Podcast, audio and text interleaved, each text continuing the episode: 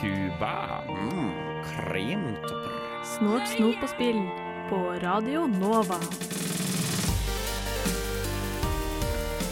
Og da er det bare å lene seg tilbake i godstolen, lene switchen mot fanget, dra krakken bortåt glaset. Det er en ny episode av Snår snop og spill som er på plass inni ditt eh, øre og på din eh, radio. Stian er på plass her i dag, og han Ja ja, god morgen. Det er en deilig lørdagsmorgen, er det ikke det? Jo da, det er jo en, det er en lørdagsmorgen som lørdagsmorgener flest. Jeg har ikke spist i dag, så jeg begynner å kjenne at jeg begynner å bli litt sulten. Ja, Samme her, egentlig. Flaks vi skal kose oss med litt snålt snop, i hvert fall. Sofie er også på plass i dag.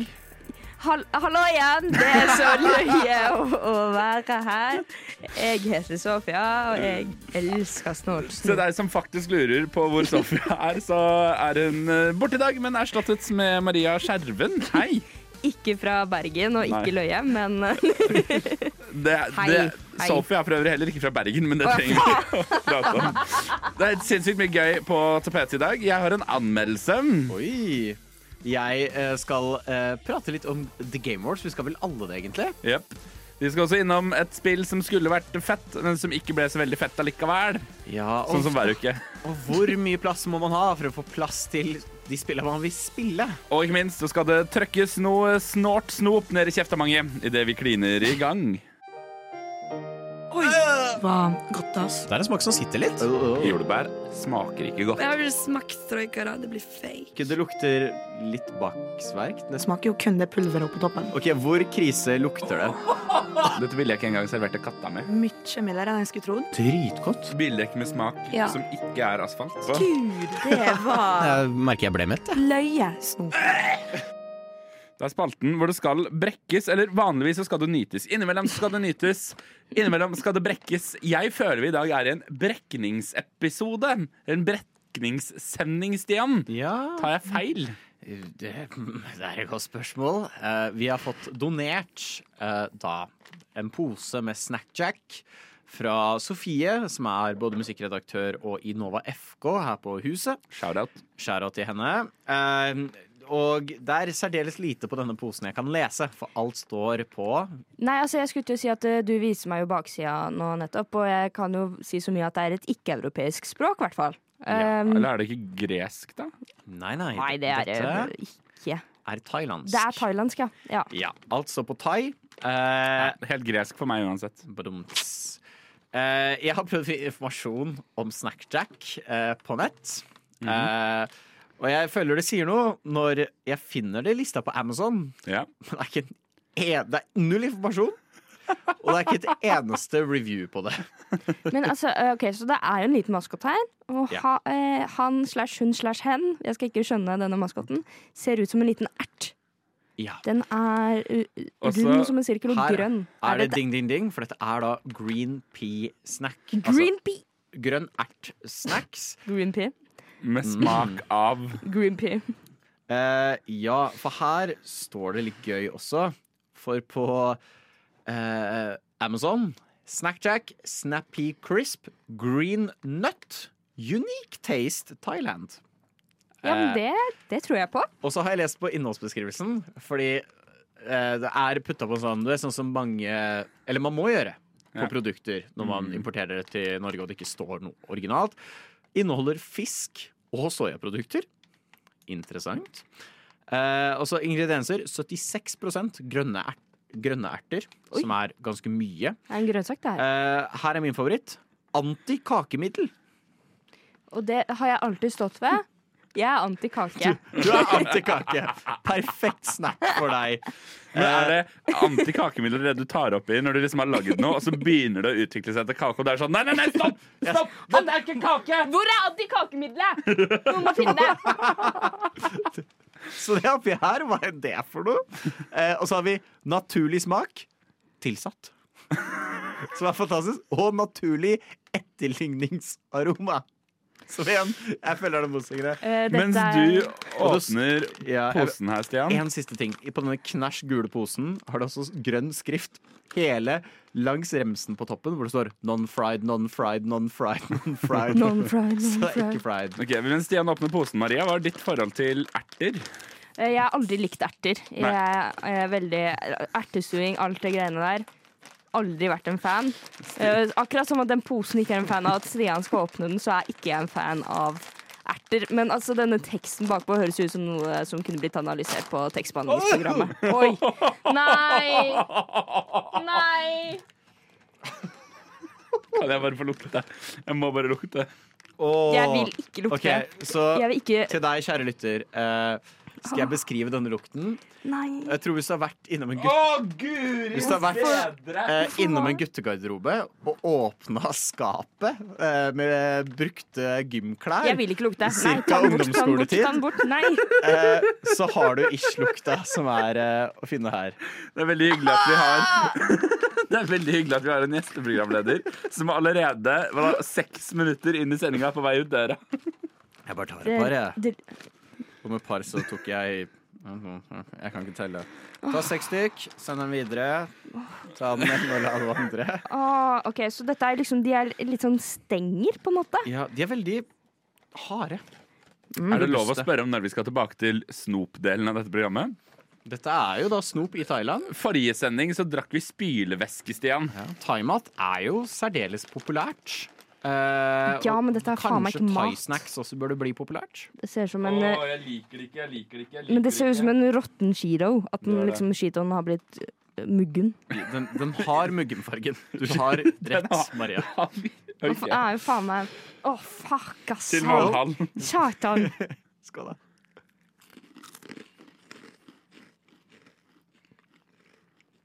Å, fy, det var skuffende. Hvorfor Det smaker, smaker du nøtter? Det var green nut flavor Thailand. da. Ja, men Det var jo faktisk nut flavor. Det smakte jo Det smaker faktisk bare Det smaker peanøtter. smaker genuint nøtter. Ja. Det smaker jo ingenting, for faen. Det smaker peanøtter. Det her er crisp green nut, unique taste Thailand. Det smaker ikke erter. At all. Det smaker ingenting. Ja, men det smakte jo peanøtt. Det gjør det. Hva Kjenner slags peanøtter er det du spiser? Polly. ja, jo, jeg syns det smakte Så peanøtter. hele Syns den du, reklamekampanjen til Polly om at uh, umulig å kopieres De har ikke vært i Thailand, med andre ord. Nei, men Jeg er helt enig. Det Ja. smaker faktisk som peanøtter. Ja. Det smaker ikke smerter at all. Uh, dette her er sånn Jo, det gjør det. Det er en ettersmak av ert. Jeg kjente den nå. Ettersmaken er ert. Spennende. Jeg føler dette er noe du virkelig kunne satt fram på et gamlehjem. Og jeg tror folk hadde elsket det der. Nei, det tror jeg virkelig ikke. Men altså, jeg kjenner at neste gang jeg går i baren og kjøper meg en øl, så kommer jeg ikke til å kjøpe meg en pakke med dette ved siden av. Jeg tror jeg fortsatt kommer til å forholde meg til peanøtter. Ja, jeg jo eh, Jeg må vaske munnen, jeg. Helvete. Det er aggressivt, for å se det her. Eh, vi skal som alltid prøve å smake oss fram til og rangere dette på vår patenterte Og vitenskapelige turlist mot uh, slutten av sendinga. Så heng med videre mens vi knasker noe Polly peanøtterter. Mm. Mm. Smak av Thailand.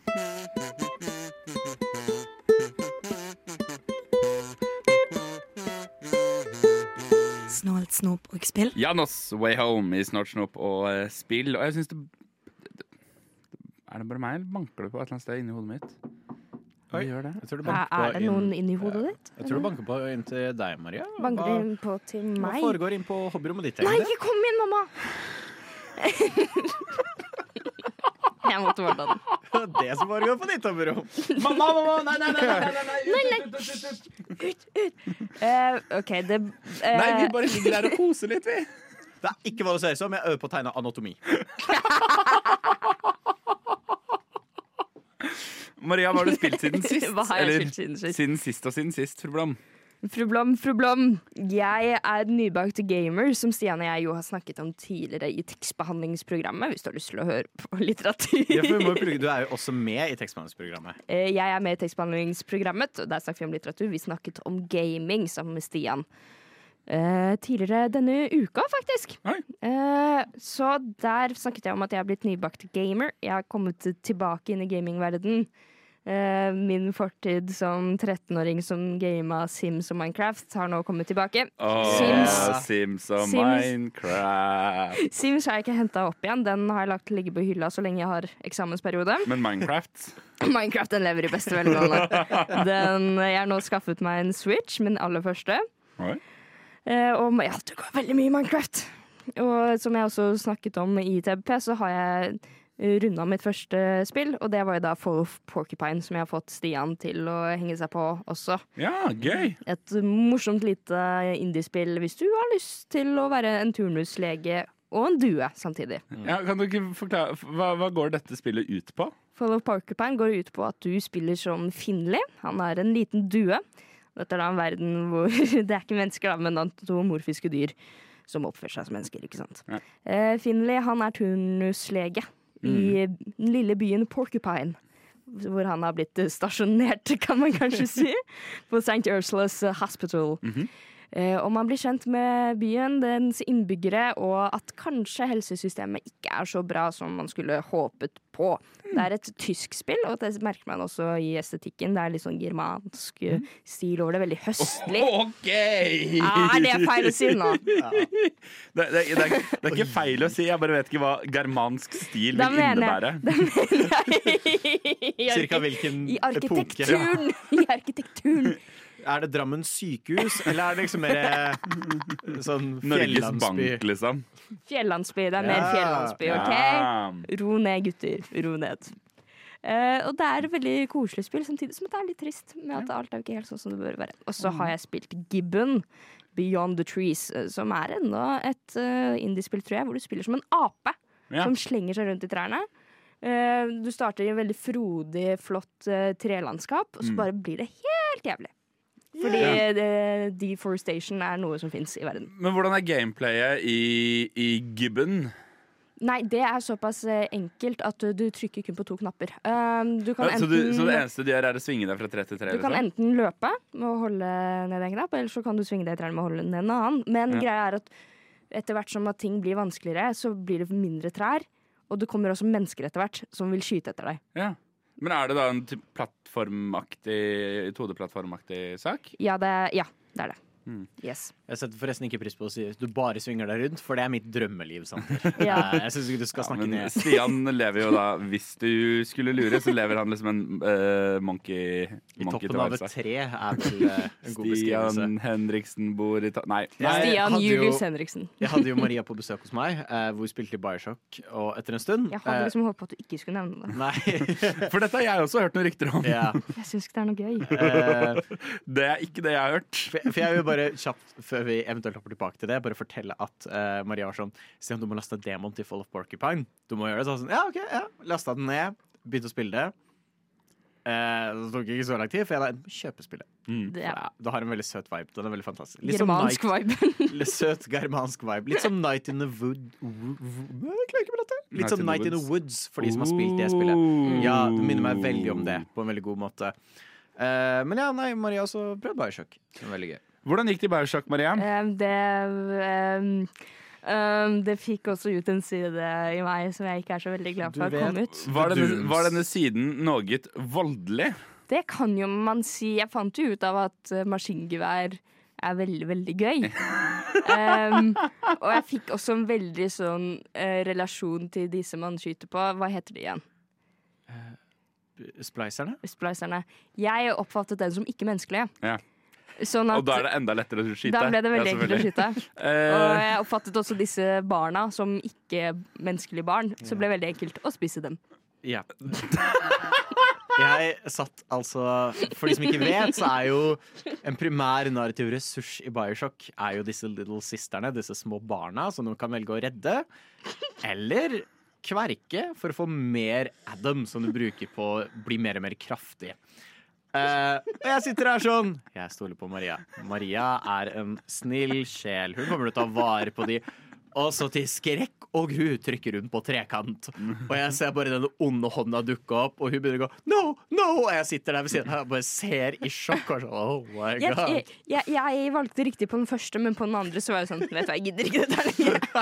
eh, ja, men, vet du hva, Maria? Dette er nydelig. Eh, du kan få komme på besøk til meg eh, neste uke, så kan du få lov til å spille litt COD. For det tror jeg bringer fram enda flere mørke sider ved deg. Du hører på Snort, snop og spill på Radio Radio Nova. Hver lørdag og Annenhver lørdag. annenhver lørdag på Radio Nova. Du hører på Snort, snop og spill.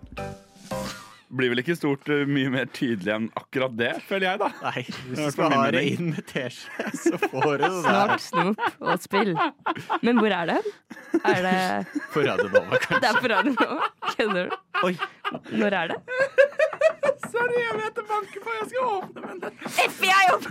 FBI, open opp. Hallo, politi. Nei, det er Female Body Inspector Maria som står på døra, faktisk. Og det er fnisestemning i dag. Og hva lurer hun på? Jeg lurer på Hva er det du har spilt i det siste, Sander? Hva jeg har spilt i det siste? Um, jo, nei, hvor skal vi begynne da? Uh, jo, vi kan begynne med en gammel klassiker. uh, som jeg nå nylig har gjenoppdaget uh, på mobil. Nemlig uh, Rollercoaster Tycoon Touch. Og det her bringer meg tilbake til pilotene våre. Ja, Oh my ja, det det. ja, sant.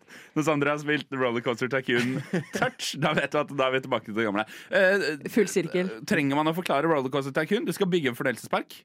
Uh, det er poenget. Tjene penger, utvide, kjøpe nye områder, uh, bygge osv. Men jeg er veldig spent, for jeg husker eh, veldig godt ungdomsskolen. eh, så var det den epoken hvor mange spill begynte å aktivt komme til mobil. Jeg husker GTA begynte å komme ut på mobil, og det var liksom bare det feteste ever. Og så begynte The Sims å komme på mobil, og var sånn, oh my god, The Sims på telefon, og du brukte 30 kroner på det. Og så syntes jeg sånn, eh, det var ikke helt The Sims. Det er The Sims, men det er ikke The Sims. Nei, Og jeg er spent, er Rollercoaster Tycoon Touch Rollercoaster Tycoon, eller er det Rollercoaster Tycoon Touch? Nei, det er, jeg vil si at det er, nærme, det er nærme nok Rollercoaster Tycoon. Altså, jeg sitter ikke og kjenner sånn Wow, dette var en drastisk annen spillopplevelse. Det er klart at enkelte ting som var veldig mye lettere på PC, er ikke like lett på mobil. Eksempel å bygge berg-og-dal-baner. Det er et litt sånn klunkete system, men heldigvis har de blueprints du kan bruke istedenfor, som på en måte er en egen greie, så det gjør det jo lettere. Eneste problemet mitt med Rollercoaster Tycoon Touch er at det er så veldig pengefokusert. Ordentlig Vi kjenner til det, vi har spilt ekte, mobilspill. ekte penger. Ja, ekte pengefokusert, ja. Uh, som på en måte gjør det at det er et spill som liksom Ja, OK, det er gøy, men så, så har du da enten valget mellom å liksom komme langt og bruke penger, eller å uh, bruke dritlang tid på å oppnå de samme tingene som du egentlig kunne gjort på 15 minutter hvis du hadde åpna lommeboka. på en måte Ekte kapitalistisk jævelskap, rett og slett. Riktig. uh, og det er mye det er, det er ikke reklamer i spillet, men det er sånn 'Å, få en bonus ved å se denne reklamen'. Så, altså, Ja. vi, vi kjenner til det, vi har spilt mobilspill før. Uh, men jeg, jeg vet ikke, det har liksom blitt noe jeg bare fort kan flekke opp på T-banen. Og så bare liksom samle inn litt mynter og bygge en ny attraksjon, og så kan jeg liksom gå videre med livet mitt. Det er noe farlig jeg innså, er hvis du har Netflix, Ja. så har du også tilgang til Netflix Games. Mm. Som er Og det, jeg vet at det kommer til å høres rart ut kommende fra meg. Et overraskende bra spillbibliotek. Det er det. Eh, som, ja, det er veldig mye bra spill på det. Det er noe tullete òg, men det er veldig mye bra. Og det meste av det, jeg har ikke funnet noe så langt, koster ikke noe ekstra penger. Nei. Det koster ikke penger. Du får det gratis med Netflix-abonnementet ditt. Uh, jeg syns ikke det er den beste måten, men jeg har prøvd ut. Jeg synes ikke det er den beste måten å spille på, men du får Oxenfree 1 og 2 Mm. gratis via ditt Netflix-abonnement. Så du da kan liksom spille det på, Telefon. på telefon? og jeg føler at det er, eh, kanskje det er litt dit vi er på vei med mobilspill nå. Enten, altså, enten de spillene du på en måte får reklamert for, som er bare ble, eller eh, tjenester som det, og selvfølgelig Apple Arcade også, som er Apple Arcade også har et jævlig bra utvalg av spill, altså. Ja, det eneste som frustrerer meg, er at et par av de spillene har jeg hatt veldig lyst til å spille. Ja. Fordi det har vært developers jeg liker, eller sånt, men så er det sånn Du kan ikke kjøpe det utenom. Nei, nei. Det syns jeg er irriterende. Det er sånn, ah, man, Jeg har lyst på det, men jeg gidder ikke kjøpe abonnement på Apple Arcade. Men jeg har også spilt noe annet uh, siden sist. For forrige fredag kom det endelig spillet som skulle redde livet mitt og gjøre det enda mer perfekt enn det det er fra før av. Call of Duty. Jeg har holdt kjeft. Jeg har spilt Call of Duty, det kommer en anmeldelse av det senere i sendingen. Men jeg har spilt Choka jeg? Jeg har spilt Bluey! Og jeg kødder ikke når jeg sier dette. Eh, Jeg kommer til å anmelde Bluey. Eh, Det er ikke kødd. Og jeg kommer til å gå veldig inn i hvorfor jeg anmelder Bluey når jeg anmelder Bluey. Og hvorfor jeg har spilt Bluey. Men det jeg elsker med det, er at de klarer på en sånn ut Det er altså en så knallsterk adopsjon av et originalverk at jeg ikke har sett noe som er så jævlig godt adaptert som det. Det er De som lager Bluey, har vært inne i prosessen. Det er akkurat de samme voice-acterne. som jo leverer fantastisk rolle. Det er oppbygd i episoder, men det er også en slags quote on quote open world. Eh, Spennende. eh, som også er jævlig bra. Nei, så, vet du hva? Eh, Bluey jeg spilte, jeg kommer til å anmelde det forhåpentligvis neste sending, altså om to uker. Dritbra. Vil du si på tampen at det er like bra som Ben Shapiro sin studio sin adaptasjon av Bluey? Uh, nei. Det er eh, betydelig mye bedre enn Ben Shapiro sitt studio sin adopsjon av Bluey. Ah. Uh, så sorry, amerikanske foreldre. Det kan virke som om deres kids nå kommer til å legge over til en australsk aksent. Hei! Er du på leit etter et nytt radioprogram å høre på som handler spesifikt om spill? Ja! Så flott! Da anbefaler jeg Snålt snop og spill på Radio Nova. Har du hørt om de? Nei, det har jeg ikke! Så flott! De spilles hver andre lørdag i oddetallsukene fra 11 til 1 på Radio Nova. Så tøft! Det skal jeg sjekke ut. Så flott! Eh, vi skal også skifte stil for Stian. Hva har du stilspilt siden sist? Å, det var litt vondt. Ja, det var litt vondt. Kom inn. Jeg syns det var litt vondt. Jeg har eh, gjort ferdig et spill jeg har snakket om før. Eh, Har du gjort ferdig Jujant? Eh, nei, det har jeg ikke gjort ferdig. Nei. Vil du gjette videre? Uh, Baldur's Gate 3. Nei. Jeg har Light. kommet meg til eh, akt to. Eh, jeg har også kollapset et kloster og drept alle de jeg spilte med. Nice. Eh, men jeg har en veldig kul klubbe nå, så jeg er ganske fornøyd. Det var en god deal. Jeg føler at Snort noe på spill er historien om Uh, spillere som starter på veldig mange spill og aldri fullfører noen av dem. Men det er, TBP er det samme. Lesere som starter på masse bøker og aldri leser de ferdig. Men sier at vi leser dem ferdig på lufta. Jeg har fullført Synapse. Var det dette VR-spillet ditt? Ja, Ja! VR-spillet med telekinese. uh, jeg, altså For en powertrip. Uh, Ja. Jeg har gjort ferdig hovedstoryen, og så fant jeg ut at sånn, å, det er en true ending også. Og jeg kommer nok til å gjøre det, fordi fy faen, det var gøy. Ja. Uh, jeg havna da på min siste run, uh, for ganske oppgradert det meste. Og for de som da eventuelt ikke har hørt episoden, eller hørt den sendinga, Signups er VR-spill som tar i bruk øyesporingen til PlayStation VR 2, Mm. eh, hvor du har våpen i høyrehånda di, og venstrehånda har du telekinese. Og du flyr rundt i et svart og hvitt miljø Mm. og skal ta ut disse fiendene for å komme deg inn i hjernen på en undercover agent som har gått rogue og har tenkt å sprenge og spre et virus. Og du er nødt til å infiltrere hjernen hans for å finne ut av hvor denne bomben er eh, lokalisert. Mm. Eh, og han som spiller eh, bad guyen, er David Hater, som mange kjenner som Solid Snake fra Metal Gear-serien. Så you know, det er et veldig, veldig fun romp, eh, som blir ganske intenst. Du kommer til å dø, og hver gang du dør, så har du mulighet til å starte på en ny run med nye evner og ferdigheter og skills, og du blir bare kraftigere og kraftigere og kraftigere. Samtidig som spillet klarer ganske bra å putte inn nye fiender. Mm. Eh, så du møter på plutselig litt fortere farlige fiender. Eh, mot slutten der Vi har alle sett Star Wars Rogue One. Mm. Ja. Ja, Vi vet scenen med Darth Vader på slutten av den filmen. Ja. Ja. Ja, det var meg mot slutten. Eh, og det var et så fantastisk øyeblikk eh, hvor jeg fikk så kraftig telekinese. Jeg kunne løfte opp folk, ta de i et chokehold, dra de mot meg. Og så bare putte en hagle i ansiktet på dem. Vet, det her høres veldig ille ut, I know. Men de er alle kognitive skapninger. Eh, mer om det senere. Eh, og det var bare en lang bro eh, med 40 fiender. Eh, og jeg bare gikk framover mens jeg bare flikka de av, høyre og til venstre, av den broa. Det. Det var så fenomenalt morsomt, og bare hvor kraftig du blir. Noen kaster en granat, og du bare tar den imot midt i lufta. Er sånn, Nei, kaster den tilbake. Bang. Det høres ut som at Maria har vært ute og spilt igjen. Ja, ja egentlig. Nei, men det, det var et så utrolig morsomt spill. Og jeg kjenner jeg klør etter å spille det mer, nå som jeg unlocka enda mer evner. Eh, så nei, uh, Synapse, sterk anbefaling. Og så har jeg starta på et spill jeg har omtalt her flere ganger før, som kanskje det spillet jeg har vært mest usikker på i år. Eh, Persona 5 Taktika. Ja. Du har vært usikker på det? Ja, eh, fra dag én når jeg så traileren, det var vel under Xbox Ja. sin showcase, tror jeg. Eh, jeg elsker Persona 5 Royal.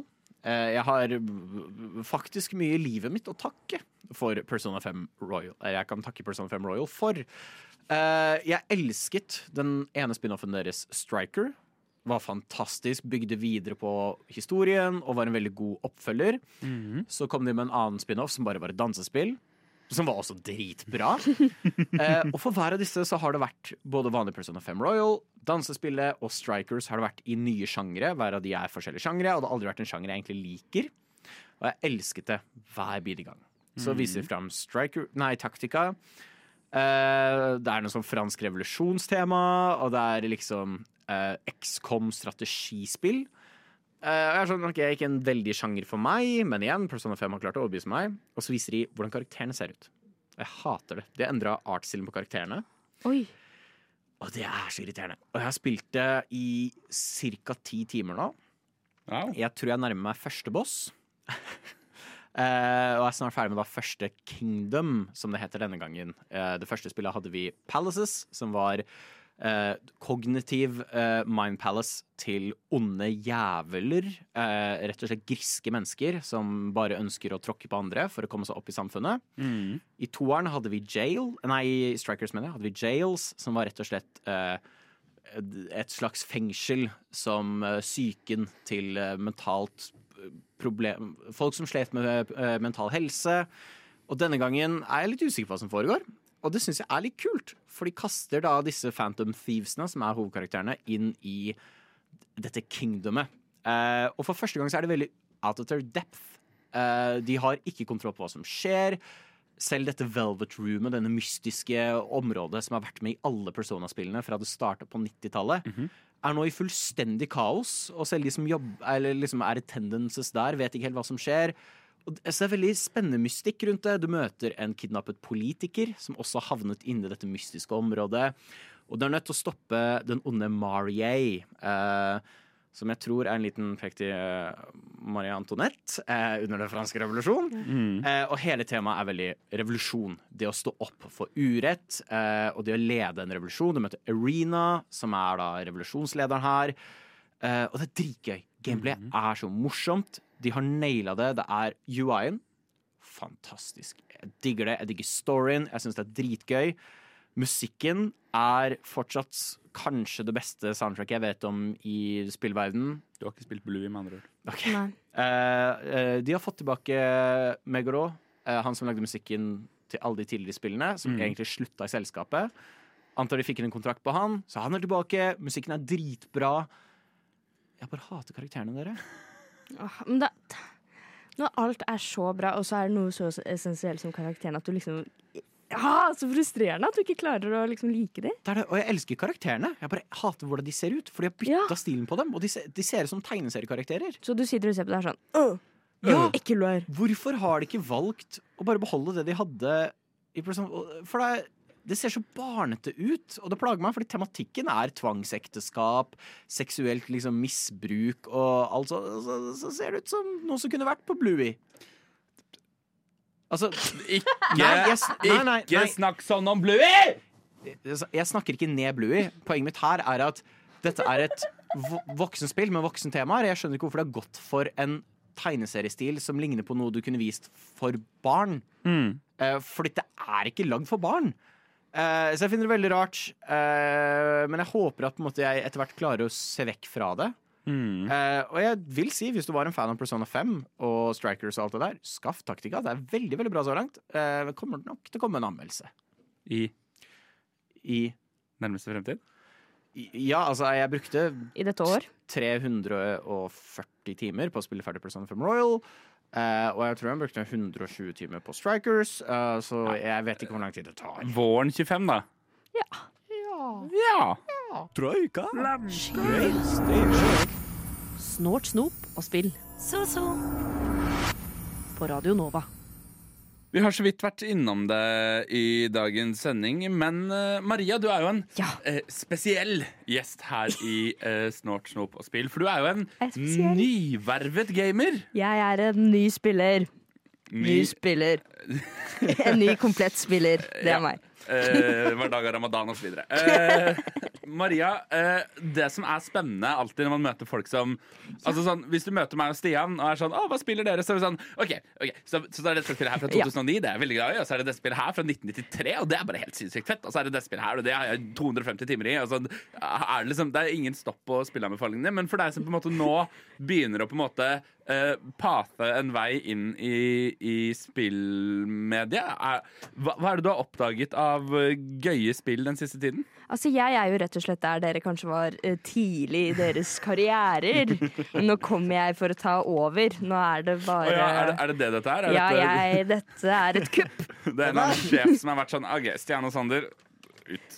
Nå skal tekstbehandlingsprogrammet ta over Snort snupp og spill. Denne, disse to timene dere har hver oddetallsuke her på Radio Nova, de skal vi ta over.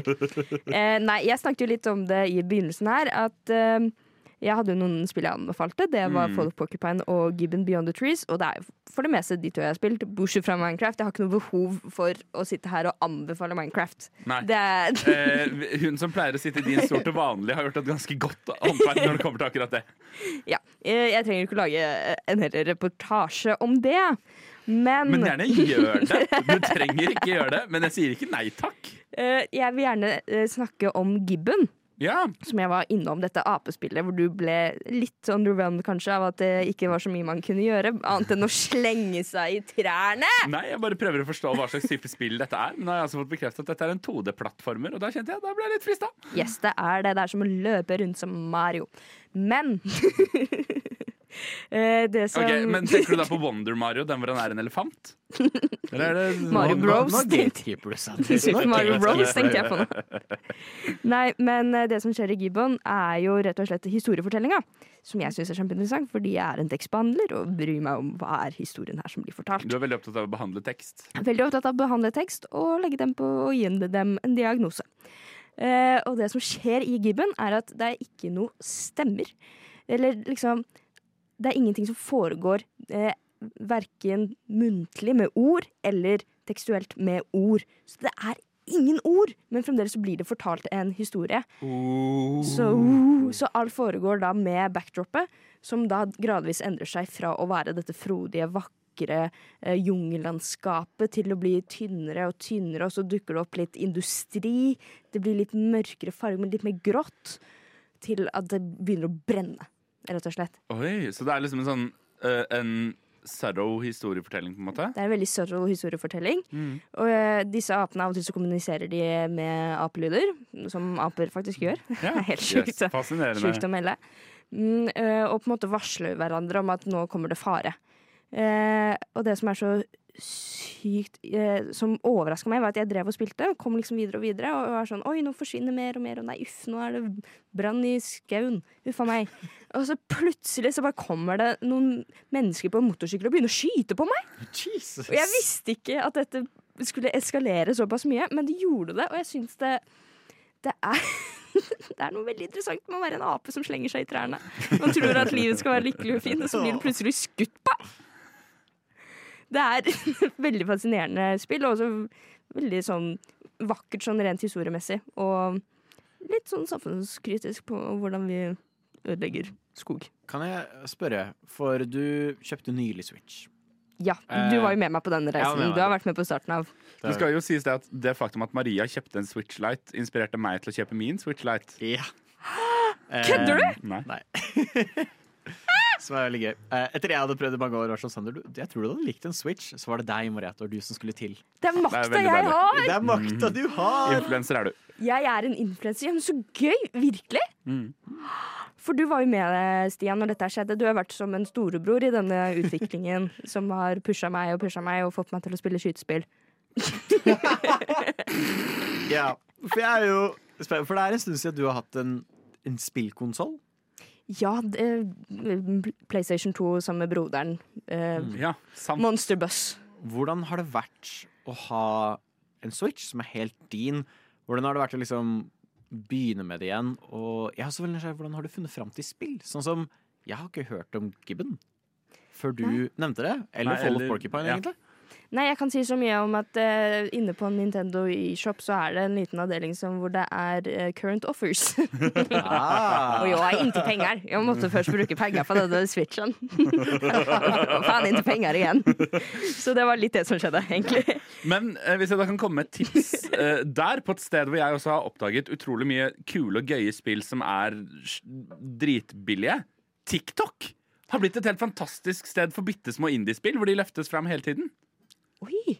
Ja. Det var jo blant annet der jeg fant uh, dette Nå husker jeg pokker ikke uh, And Action, eller hva det het. Dette spillet med han plattform, film, plattformfilmspillet. Ja, som jeg pratet om ja, tidligere. Yeah, Det fant jeg jo på TikTok! Storyteller fant jeg på TikTok. Begge deler fantastiske spill som har kosta liksom 200 kroner. Jøss. Storyteller? Det høres ut som noe jeg bør skaffe meg. Ja, det tror jeg faktisk Vet du hva? Vet du hva? Det tror jeg faktisk hadde likt utrolig godt. Da skal jeg skaffe meg det med en gang. Jeg tror jeg skal kjøpe det nå. Ja, eh, Lott. OK, Chris, could you just, just do that last line one more time, please? It's a me, Mario. Oh, oh wait, sorry. This one, this one here. Yeah, that one right there. Oh, okay. Um, uh, you're listening to uh, Snalt, Snope, and Spill at Radio Nova. Wow. Og eh, vi pleier å være ganske på ballen og dekke det som skjer av nyheter. Vi er sånn Ha! nyheter! Boom! Vi er på det. Ehm, Wow. Men det, er- det er en liten ting vi ikke har prata om. Ja. Er det muligens fordi vi glemte det? Ja. Ja. ja.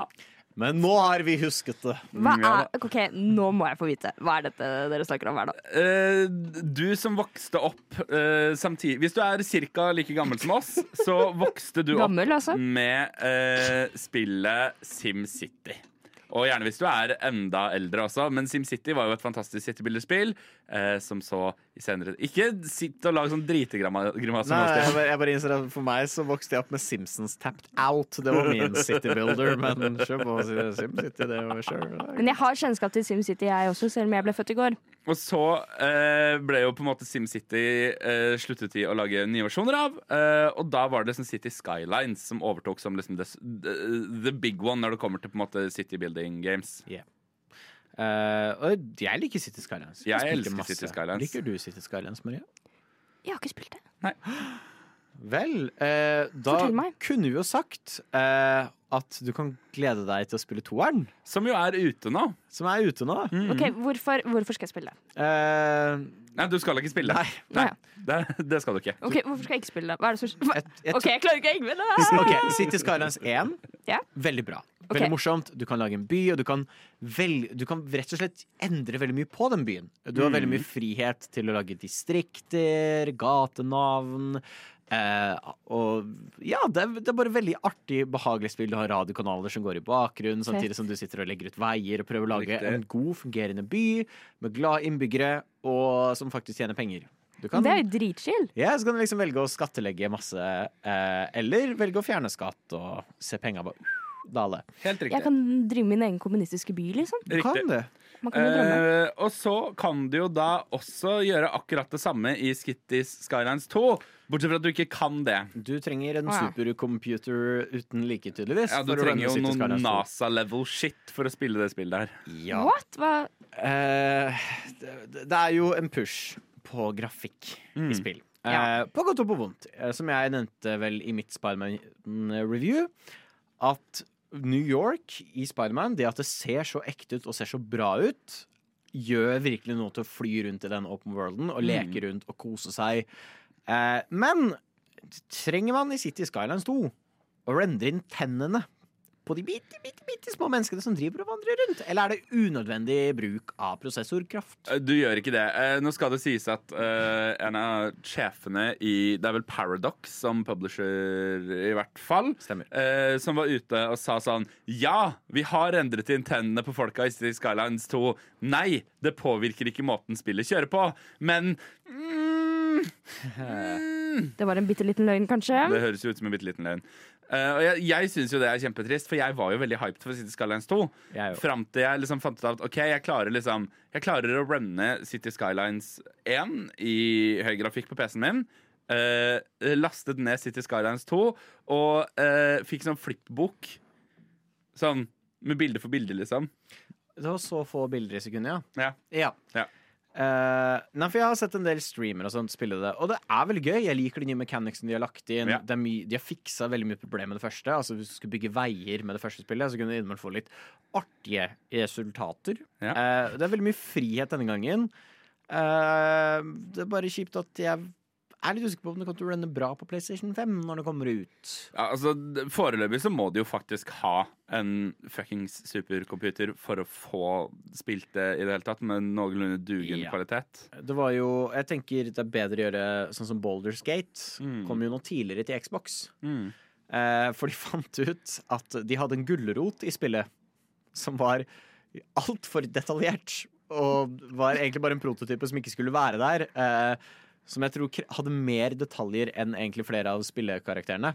Det var en faktisk gulrot, ja. Det var en faktisk gulrot ja i spillet. eh, Ikke metaforisk en. OK, da Nei, skjønner jeg. nei, nei, nei. Eh, selv om det er Boulders så hadde det egentlig gitt mening, det òg. Men uh, nei, så de, de har nå fjerna gulroten og tror nå at de kan få spillet til å runne bedre på den bitte lille Xboxen mye tidligere enn først antatt. Mm. Det tenker jeg er en bedre holdning enn å være sånn Fuck you, vi trenger de tenna, faktisk. Ja, og så er det jo Det er jo ekstremt synd når ikke bare er uh, City Skylines 2 et spill som er kjempegøy, men det er et spill veldig mange har gledet seg til veldig lenge, som jo nå later til å bli uspillelig for veldig mange. Og da, det motvirker jo da det å gjøre på en måte spill til noe som er tilgjengelig for massene. Ja. Jeg vil spille City Skylines 2, hest igjen. Jeg òg. Ja. Vil Skal du, vi- Maria? Ja, jeg tror det. Skal vi, skal vi spleise på en supercomputer? Hvis vi spytter inn 100 000 hver, så tror jeg det kan gå. Null stress. Ja. ja Vi ordner det. ikke, ikke tenk på det. Så var vi rundt om en time én, men frykt ikke. Vi går nå inn i eh, Ja, det, jeg vet det. Den er beryktet. Det er Ah, time to. time to. Eh, Vi skal innom Game Awards, som er eh, rett rundt eh, hjørnet, og har altså hentet inn en ekspert som skal være med på å predikte noen av årets kategorier. Gjør penga klare, sier jeg bare. Det er ikke annet å si om eh, det. Jeg har også forberedt ei lita anmeldelse. Og så har jeg forstått det sånn, Stian, at du trenger hjelp av vår interne Hallgeir Kvadsheim. Til å bestemme deg for hvorvidt du skal gjøre kjøp eller ikke. Ja. Eh, litt etisk dilemma. Muligens. Muligens. Og så eh, skal vi også innom eh, noe som plager spillindustrien på det groveste om eh, dagen. Filstørrelser. Ja, og at folk får sparken. Da, men filstørrelser er definitivt det største problemet de har om dagen. Absolutt. Og ikke minst så fylles dette tomrommet mellom denne praten med den aller beste musikken fra Radio Novas lister.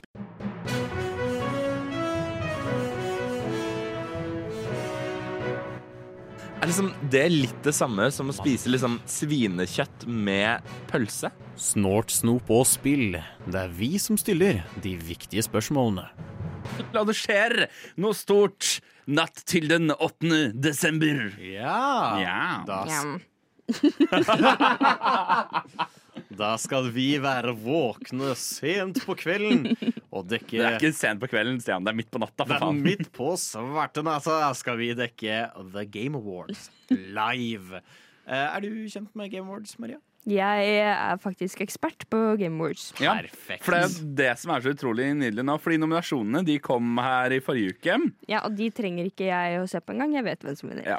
Eh, så det vi rett og slett har tenkt, da, er jo Kan ikke du, Maria, bare fortelle oss hvilke som vinner Hvilke spill som kommer til å vinne et par ulike kategorier? Ja. Det kan jeg fortelle. Kan vi da starte med eh, Best Soundtrack? Ja, hvorfor ikke? Best soundtrack, ja. Lese opp de nominerte i kategorien. Ja, gjerne jeg må bare en- vente på at verdens dårligste nettside laster. Gjerne minn oss på det. Altså, selvfølgelig, jeg er jo ekspert, men tenk på alle lytterne, Ja. Stian. De må få vite. Det er veldig viktig. Frisk opp minnet. Best Score and Music. Der har vi Alan Wake 2, eh, Petri Alanko, som jeg tror er finsk. Eh, så har vi Boulders Gate 3, som er Borislav Slavov, eh, som jeg sikkert slakta uttalelsen på. Jeg beklager så mye. Eh, og verre skal det bli når vi går inn i Final Fantasy 16. Eh, Masayoshi Soken. Så har vi Hi-Fi Rush. Der var det her, Det her er krise. Jeg beklager. Shuichi Kobori. Mhm. Beklager så mye for alle disse navnene jeg sier feil. Eh, og det her er den vanskeligste av de alle. Tears of the Kingdom, composed by Nintendo Sound Team. Ja. Ikke sant. ikke sant uh, jeg har vært inne og casta min stemme. stemme, Uh, men jeg er veldig spent, Maria, som ekspert på The Game Awards. Hvem er det som stikker av med prisen? jeg, Det er veldig mange gode kandidater her, Sander. Eh, det kan ikke benektes. Det er jo klart eh, Noen vil jo kanskje si noen favoritter Ja. også blant disse, men jeg skulle mene, og det er uheldig da at det var det eh, navnet Stian sleit mest med å si. Han må nok dessverre si det igjen, fordi jeg tror det er Hi-Fi Rush med hvilken composer, Stian? Si det igjen. Uh, jeg fjerna mitt. Vent, Nei, nå må du si det igjen. Du sa det så fint. Jeg har det snart. Det er uh, Shuichi Kobori. De, de men, de- ja. Ja, ikke sant? For du mener jo da at det er High Five Rush som stikker av med prisen. Hva er det som har gjort dette soundtracket så pris... Altså, ifølge deg, da, Det er skikkelig rushete, og den hi-fien, den fungerer ekstremt godt. Kult. kult, Gøy. Uh, skal, vi, skal vi prøve oss på Games for Impact òg, eller? Ja, dette er min favorittkategori. Ja, Eh, gjerne, gjerne min lytteren på igjen. Ja. Games for Impact er da for thought-provoking games. Altså spill som har en veldig viktig mening. Eh, gjerne er dette spill som tar opp problemer i samfunnet. Uh, spill som Life is Strange, blant annet, har ofte vært nominert til denne type priser. Der har vi fra Mojiken Studio uh, A Space for the Unbound. Vi har fra Rundisk og Focus Entertainment Chance of Senar. Vi har fra Co-op Goodbye Volcano High. Fra Avakeb og Kepler Interactive Chia. Eh, så har vi fra Free Lives og Devolver Digital og Netflix. Yeah. Terra Nil. -hmm. Og fra Visai Games Venba. Og flere av disse spillene har vi fått snakket om tidligere i dette programmet. Det stemmer. I hvert fall ett av dem. Men uh, Maria, Ja. hvem er det som stikker av med prisen her? Jeg er så glad for at du stiller det spørsmålet, Sander. Fordi nå får du svaret. Det er faktisk, ja, disse spillene, ok, dette er et oppriktig svar, så er det ett spill jeg har hørt mye om, og det er Venba. Og det har jeg hatt veldig lyst til å spille. Ja, Ja! ja. ja men så Nå ble det rar stemning i studio. Kan vi, kan vi røpe hvem vi kommer til å stemme på, eller har stemt på? Yes, Vi kan godt gjøre det, ja. Ja. Mm. For da har vi den prestisjefylte. Toppen. Den biten hvor han kiden igjen sikkert kommer til å hoppe på scenen og si et eller annet om Bill Clinton. Vi snakker Game of the Year. Bill Clinton! The goatee, som alle liker å kalle det. Yeah. Her har vi fra Remedy, vårt kjære, et av våre kjære naboland, Finland. Alan Wake 2. Vi har fra Larian, Boulderskate 3. Ja. Fra Insomniac Games og CE, Marvels Spiderman 2. Fra Capcom, eller Capcom, Resident Evil 4. Fra Nintendo Uppd, eller Nintendo, Super Mario Bros. Wonder. Og fra Nintendo Uppd, eller Nintendo, The Legend of Zelda, Tears of the Kingdom. Jeg skjønner ikke at de ikke har hyrt meg inn som sånn narrator som forteller And the nominees are Eh, Jeg skjønner det veldig godt. Eh, Maria. Det store spørsmålet Ja. hvem, hvilke spill blir The Game of the Year? Mm. Og skal man tro Sander eh, her i studio som, eh, fra tidligere eh, sending, som eh, Jeg fikk jo veldig inntrykk av at Super Mario Wonder var a winner. Ja. Så uh, eh, dette tar jeg basert på ekspert... Uh, Det er du som er eksperten her. Jeg er bare Ja. anmeldt det. eh, ja, ekspertanmelder, skulle jeg si da. Jeg er Ja, jo ja, du er ekspert-ekspert. jeg er ekspert-ekspert. Det er noe helt annet. Så jeg tror det, rett og slett. Ja. Super Mario. Spennende. Fordi alle elsker Mario. Ja, alle elsker Mario. Det er jo helt tydelig. Det, det er ikke noe tvil om det. Ah, Ja, Skal vi eh, jeg syns det er gøy å bli sånn, bli sånn stille judge av dere. Det er sånne blikk. Du blir ikke stille judga også i det hele tatt. Jeg tror i hvert fall for Sander er det. ekstremt fornøyd. Mm. Eh, skal jeg ta først hvem jeg har stemt på? Ja. Eh, I Games for Impact Mhm. Venba. Mhm. Hva med deg, Sander? Venba. Oh my god! Åpenbart Venba. Noe du Jeg satt, jo, jeg satt jo på gråten og prata om det spillet her. Selvfølgelig Venba. Ja, det, jeg er jo ekspert, så Mhm. det, jeg skjønte jo at eh, den Men eh, musikk eh, Der gikk min stemme til Borislav Slavov eh, for eh, Boulderskate 3.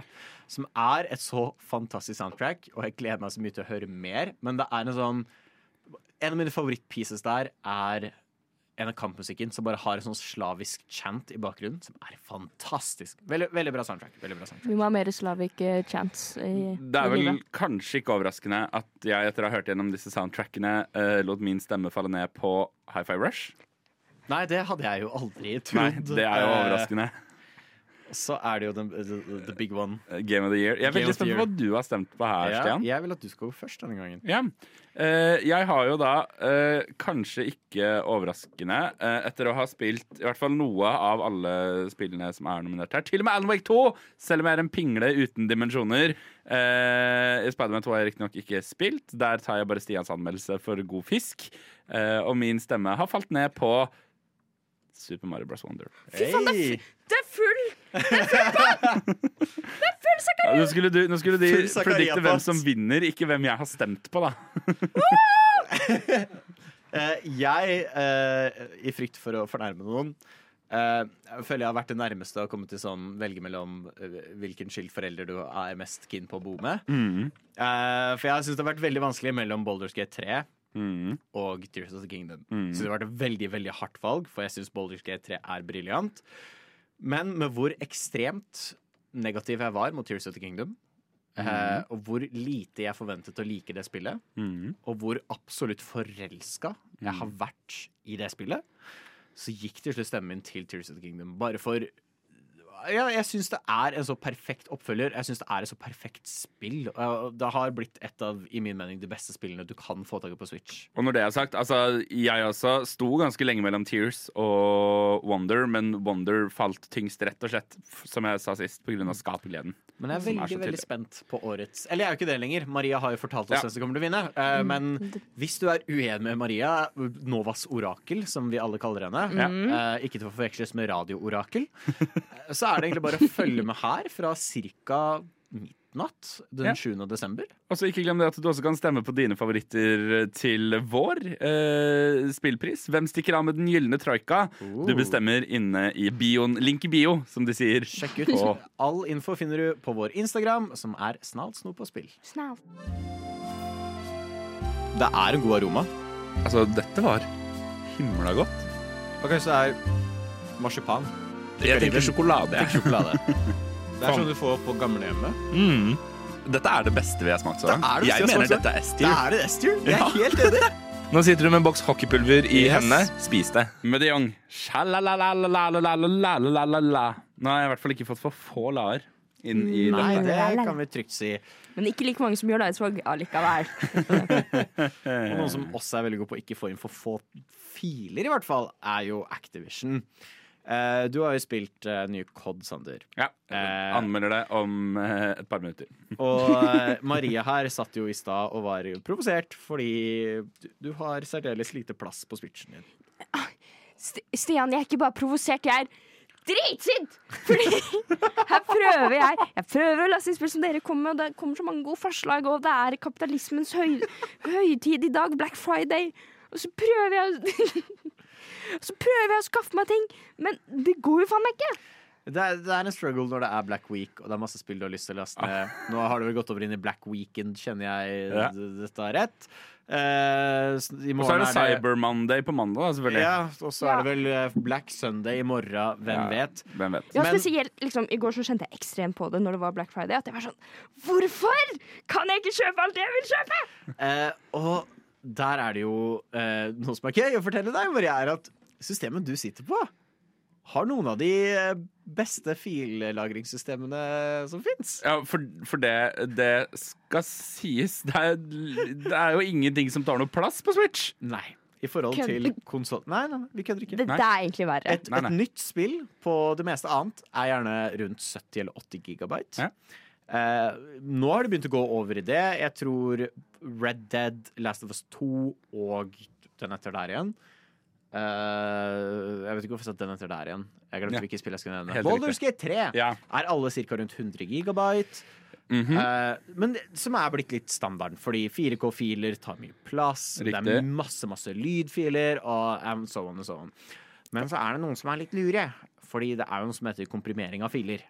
Det er det. Det er det absolutt. Dette er Nintendo kjempeflinke på. Virkelig. Tears of the Kingdom er sånn 12 gigabyte, liksom. Det er 12 gigabyte. The boy can confirm indeed. Ja. Uh, jeg er litt bekymra at jeg huska det tallet i hodet. Um, men Vi er stolte av det. Takk. Det er bra noen er det. Men Activision for eksempel, har jo nå gitt ut spill etter spill etter spill på rundt gjerne 250 gigabyte. Altså Det er helt vanvittige tall. Og grunnen til det er jo ikke fordi de må det, men fordi de kan det. Ai, ai, ai. For Um, hvis du kun har plass til Call of Duty på PlayStationet ditt, Mm. Så kommer du høyst sannsynlig til å spille Call of Duty. Mm. Og hvis du spiller mest Call of Duty, så kommer du høyst sannsynlig til å kjøpe litt ekstra ting i det spillet. Få litt 20 kroner her og 20 kroner der og 40 kroner der. Og så oi, der økte jaggu meg 500 kroner til, du. For å sette, bare for å sette dette i kontekst, så er jeg nå inne og sjekker på min Xbox Series X, yeah. som har eh, 802 gigabyte effektiv lagringsplass. Det sier en terabyte. Suck my dick. Eh, Call of Duty Modern Warfare 3 er tar nå opp 221 gigabyte på min harddisk. Hæ? bare sånn for Det skal sies at før det så var det, liksom, det var et spill jeg lasta ned og tenkte sånn OK, dette er et stort spill. Altså. Jeg lasta ned Hogwarts Legacy tidligere i år, 70 gigabyte. Eh, da jeg lasta ned Lego Star Wars The Skywalker Saga, tenkte jeg sånn uff, det er et stort spill. Det er da til sammenligning 45 gigabyte. Eh, Dette er helt OK. Dette, fordi det var uh, akkurat det spillet du nevnte nå, uh, Skywalker Saga, som fikk meg til å reagere veldig på at å, jeg faen ikke Jeg skulle laste det ned på Switchen, og jeg, faen, jeg har jo ikke plass til en eneste ting. Men altså At det er et spill som er over 200 gigabyte, er ikke det helt insane? Jo, det er, det, er, det er akkurat det der. Det er helt insane. Bare sånn For å sette i perspektiv, jeg jobber med filmproduksjon, og en vanlig spillefilm er på 150 gigabyte. Jeg kan avsløre det at Anmeldelsen min av Call of Duty Modern Warfare 2 er på 94 kilobyte. Ja, ikke sant? jeg ønsker å presisere Baldur's Gate 3 er på 110. Det vil si, det, det er to ganger Baldur's Gate 3, Ja. og du har fortsatt 1 gigabyte i overs Riktig. for nye COD. Men grunnen til at de gjør dette, er jo ikke fordi de må. Eh, Det er jo fordi de, de gjør dette for at du ikke skal ha plass til andre spill. Det er en kapitalistisk taktikk. For jeg husker når de annonsa PlayStation 5, så var det en veldig big selling point med det, var at nå kunne de pakke filer mye bedre, og de kunne komprimere det mer, siden det var en SSD. Ergo, spill kommer ikke til å ta så mye plass. Og det har på en måte forholdt seg litt sant, selv om det jeg vet ikke føles sånn ut. Fordi mot slutten av PlayStation 4 så begynte vi å få spill som Red Dead, som måtte komme på to Blu-ray-disker. Eh, fordi det var, det var bare én kun for å installere spillet, og en annen for å fikse resten av de- delene, liksom. Eh, for det var på 120 gigabyte eller noe annet. Og så hadde du Last of Us Part 2 når det kom ut, så helt fenomenalt ut, også rundt 100 gigabyte. Men det skal også sies at PlayStation 5 og Xbox Series X krever enda mer fancy filer, krever mye mer stuff, innhold. Eh, så teknisk sett burde disse være større. Men de har jo da klart å holde seg mindre. Ja, ja. dette. Men det er noen som liker å bare ikke gjøre det. Det er, veld- det er generelt irriterende. Jeg kjøpte nylig en SSD til til PlayStationen mitt. For jeg er så drittlei å hele tida avinstallere og logge på. Mareritt å installere, by the way. Det virka lettere. Og når du får beskjeden Ta på noe strømførende før du begynner å gjøre dette. Så er det sånn ah, jeg kommer til å dø. Eh, men jeg får, nå har jeg to terabyte ekstra, så jeg sitter på 200, 2600 gigabyte. Det er så digg å faktisk ha spillene mine på PlayStation. Ja, men altså, konsept. du trenger ikke å tenke noe særlig, Stian, for du kan jo bare laste ned de siste ti Call of Duty-spillene, og så er det fullt. Jeg tror jeg kan laste ned kanskje tre COD-spill, så er det fullt. Nei, men altså det, det, eh, det, det, det jeg, bare Du får det sagt. Ja, ja. Kan vi få det på en T-skjorte? Du, Eh, du, du, Sander om Call of Duty. Nei, men altså eh, jeg, Det jeg syns er så gøy med det, er jo det at jeg har jo ikke tenkt på denne strategien før. Men dette er jo da det tredje på en måte moderne Modern Warfare-spillet jeg har spilt. Hei, hei. Um, Jeg tror ikke det er noe særlig å si hei hei om. Uh, Hei, hei. Du har ikke hørt anmeldelsen min, hold kjeft. Uh, men uh, jeg, jeg, jeg merker at hver eneste gang jeg nå Og dette, nå gjorde jeg det bevisst. Da jeg fikk disken min til Call of Duty, som jo bare er en vits, den disken, eh, så satte jeg den inn i Xboxen min, gikk og la meg. og bare lot nedlastningen stå gjennom natta. Fordi det er, det, er så, det er så jævla mye! Modern Warfare 1 var på 100 gig, og jeg tenkte sånn 100 gig! Det er jo hele Xbox One min! Ja, 210.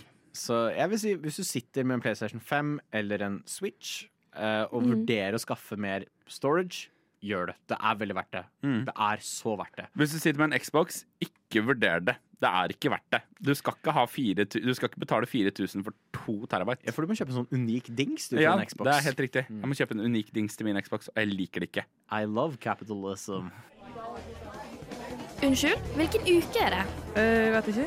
Vet du hvilken uke det er? Uh, jeg har ikke peiling. Sorry, men jeg må faktisk vite hvilken uke det er. Det er oddetallsuke. Shit! Da må jeg jo høre på Snålt snop på spill annenhver lørdag alle oddetallsuker fra 11 til 1 på Radio Nova. Jeg har spilt noe annet siden sist, jeg. som jo er den dårligst skjulte hemmeligheten i dette programmets historie, omtrentlig regnet. Jeg, jeg har hørt rykter, Sander. Ja. Eh, Bekreft om det er feil eller ikke. Ja. Men jeg har rykter om at du har spilt alle tre moderne Modern Warfare-spillene. Jepp.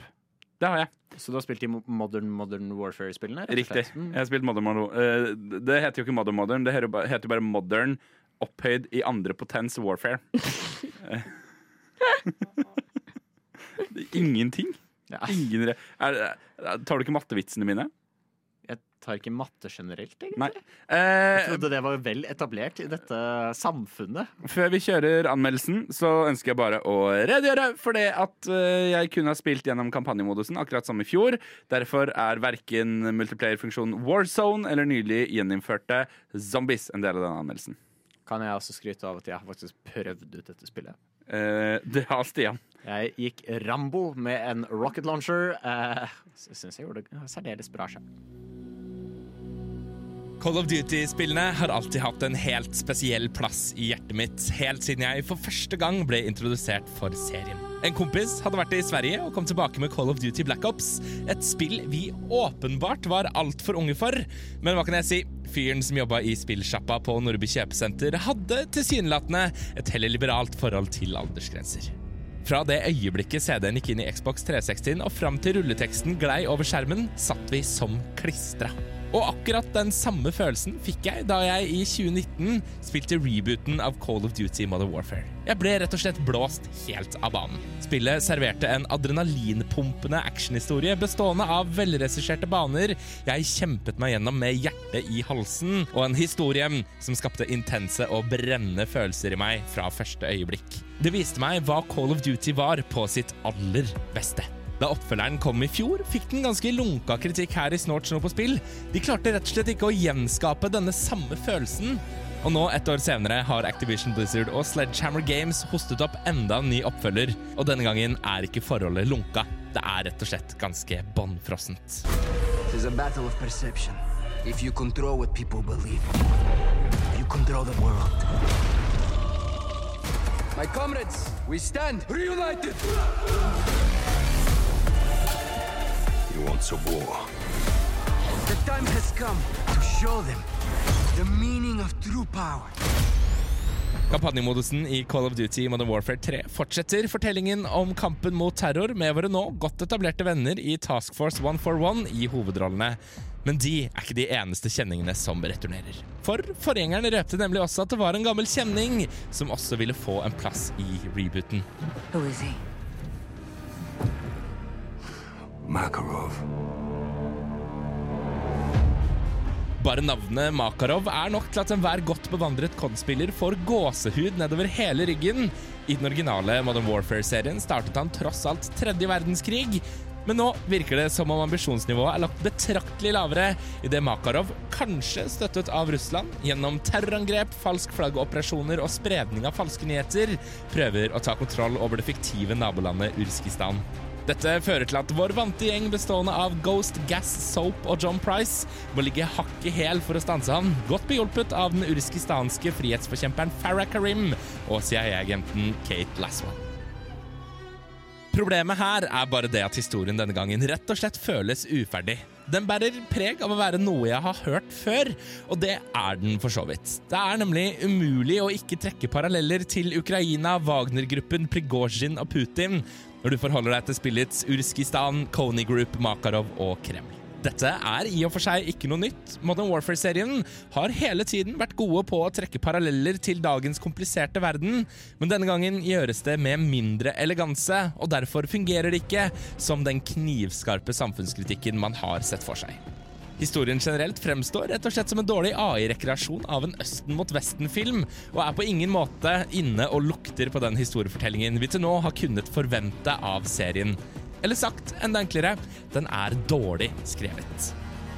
Dessverre rammer den elendige historiefortellingen også spillets karakterer, som fremstår som både flate, kjedelige og uforståelige. Jeg klarer ikke på noe tidspunkt å faktisk lese noen som helst form for følelser inn i handlingene deres, noe som virkelig gjenspeiler seg i oppdraget Flashpoint, der du skal stanse et Makarov-ledet terrorangrep mot en idrettsarena, og i det ene øyeblikket vasser over sivile lik mens du skyter terrorister, før de i det neste dytter Makarov forsiktig foran deg. Dette oppdraget mangler virkelig den samme menneskeligheten vi opplevde i karakterene i det kjente og kontroversielle No Russians, et av seriens mest minneverdige oppdrag.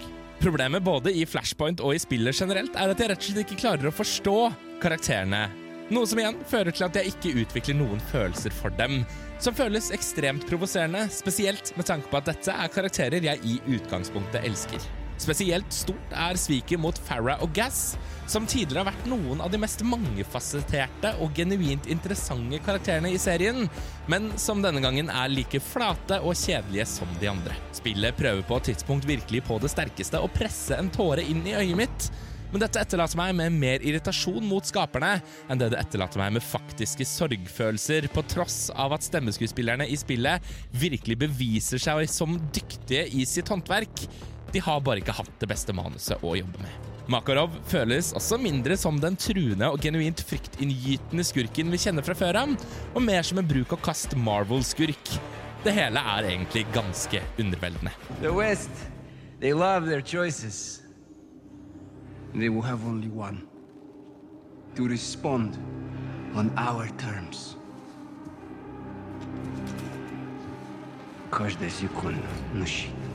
Men greit nok. La oss sette historie og karakterer til side og legge fokuset over på gameplayet og utseendet. For her kunne jeg virkelig lagt ut i det store og brede om hvordan Call of Duty Modern Warfare 3 føles. Men dette ville nok i det store og det hele vært en omskrivning av samme del i fjorårets anmeldelse. Så jeg velger å fatte meg i korthet. Det både ser og føles helt fantastisk ut. Grafikken er lamslående, våpenfølelsen og kontrollen er blant det beste jeg noen gang har kjent. Og cutscenesene er så realistiske at jeg faktisk måtte dobbeltsjekke om dette var rendret og ikke bare live action.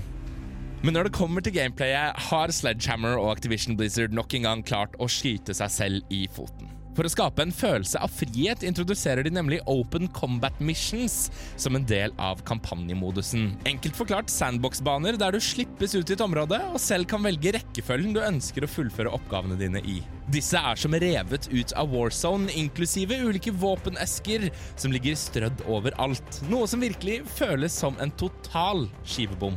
Call of Duty har de siste årene blitt kjent for godt oppbygde og velregisserte oppdrag, men Open Combat Missionsene føles rett og slett ut som om de ikke hører hjemme i spillet. Du får følelsen når du dropper inn om at du selv kan velge hvilken strategi du ønsker å benytte deg av, men her er det nok mer snakk om en falsk følelse av frihet enn det det faktisk er snakk om frihet. Alle fiendene befinner seg strategisk plassert rundt målene du må nå, og takket være et bedritent detection-system ender du alltid opp med å gå loud, uansett hvor hardt du prøver. Disse forsøkte Warzone-lignende banene står ut som et skår i gleden, for hadde jeg villet spille Warzone, ja, da hadde jeg spilt Warzone. Det er ikke verre enn det. Heldigvis klarer Modern Warfare 3 å diske opp med klassiske missions, som i en viss grad er av den velregisserte formen vi nå forventer av spillene, selv om jeg helt ærlig skal innrømme at ingen av dem føles spesielt minneverdige. Det er riktignok enkelte øyeblikk som står ut, og som føles ut som ren og skjær spillmagi. Et eksempel er et mission der du kun ved hjelp av et våpen utstyrt med varmesøkende sikte skal ta ut fiender i en frossen tundra med elendig sikt. Eller en sekvens der du skal bevege deg oppover i en boligblokk etasje for etasje. En sekvens som i hvert fall delvis er et open combat mission, noe som viser at denne spillformen kanskje også har en plass i kampanjemodusen, selv om den må raffineres mye før den er klar. Men dette er dessverre ikke nok til å redde Call of Duty Modern Warfare 3. Rett og slett fordi alt dette skjer i et bakteppe som virkelig føles ut som en solid mengde venstrehåndsarbeid. Det er mer enn noe annet trist å se en serie som på et tidspunkt var så til de grader inne på noe, snuble før startstreken og ikke klare å hente seg inn igjen. Ikke bare er karakterene paddeflate, men historien er også kjedelig og upersonlig. Og da spillets rulletekst rullet over skjermen, kjente jeg på både raseri og kvalme. Kvalme fordi parallellene denne gangen føltes ut som en massiv skivebond, og sinne fordi jeg kjente meg sveket av en serie jeg trodde jeg faktisk kunne stole på. Sledgehammer og Activision Blizzard har tilsynelatende valgt å sette til side det som gjør Call of Duty til fantastiske spill, til fordel for en grov cash grab. Og selv om det smerter, kan jeg ikke gjøre annet enn å gi Call of Duty Modern Warfare 3 noe mer enn 40 av 100 troikabarer. For dette er ikke Call of Duty på sitt beste. Det er så vidt COD.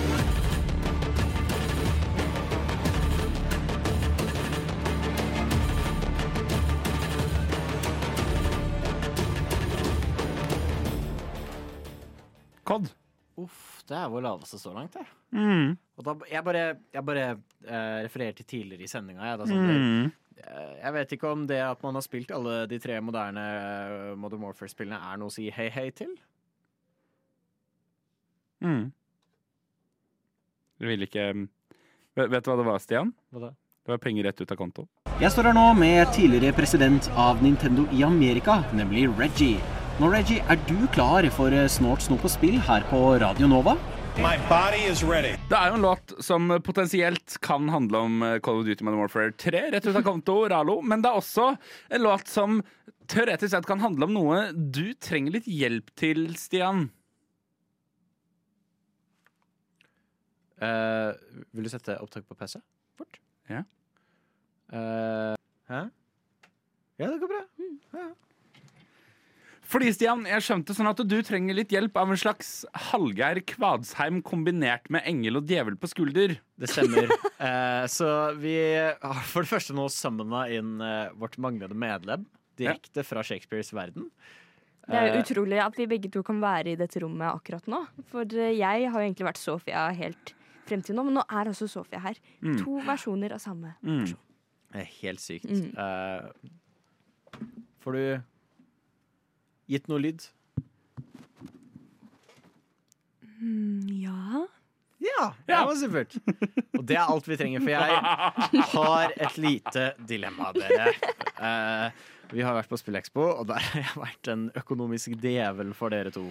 Eh, og jeg, med tanke på at Maria nå sitter med sju nye spill lastende på Switchen, Jeg vil ikke snakke med eh, deg. så føler jeg jeg har vært litt økonomisk djevel for Maria. Ikke spør meg om Starfield-kontrolleren min. Og så ehm, Og da har jeg et problem. For jeg ble nylig introdusert til spillet Spirit Tea.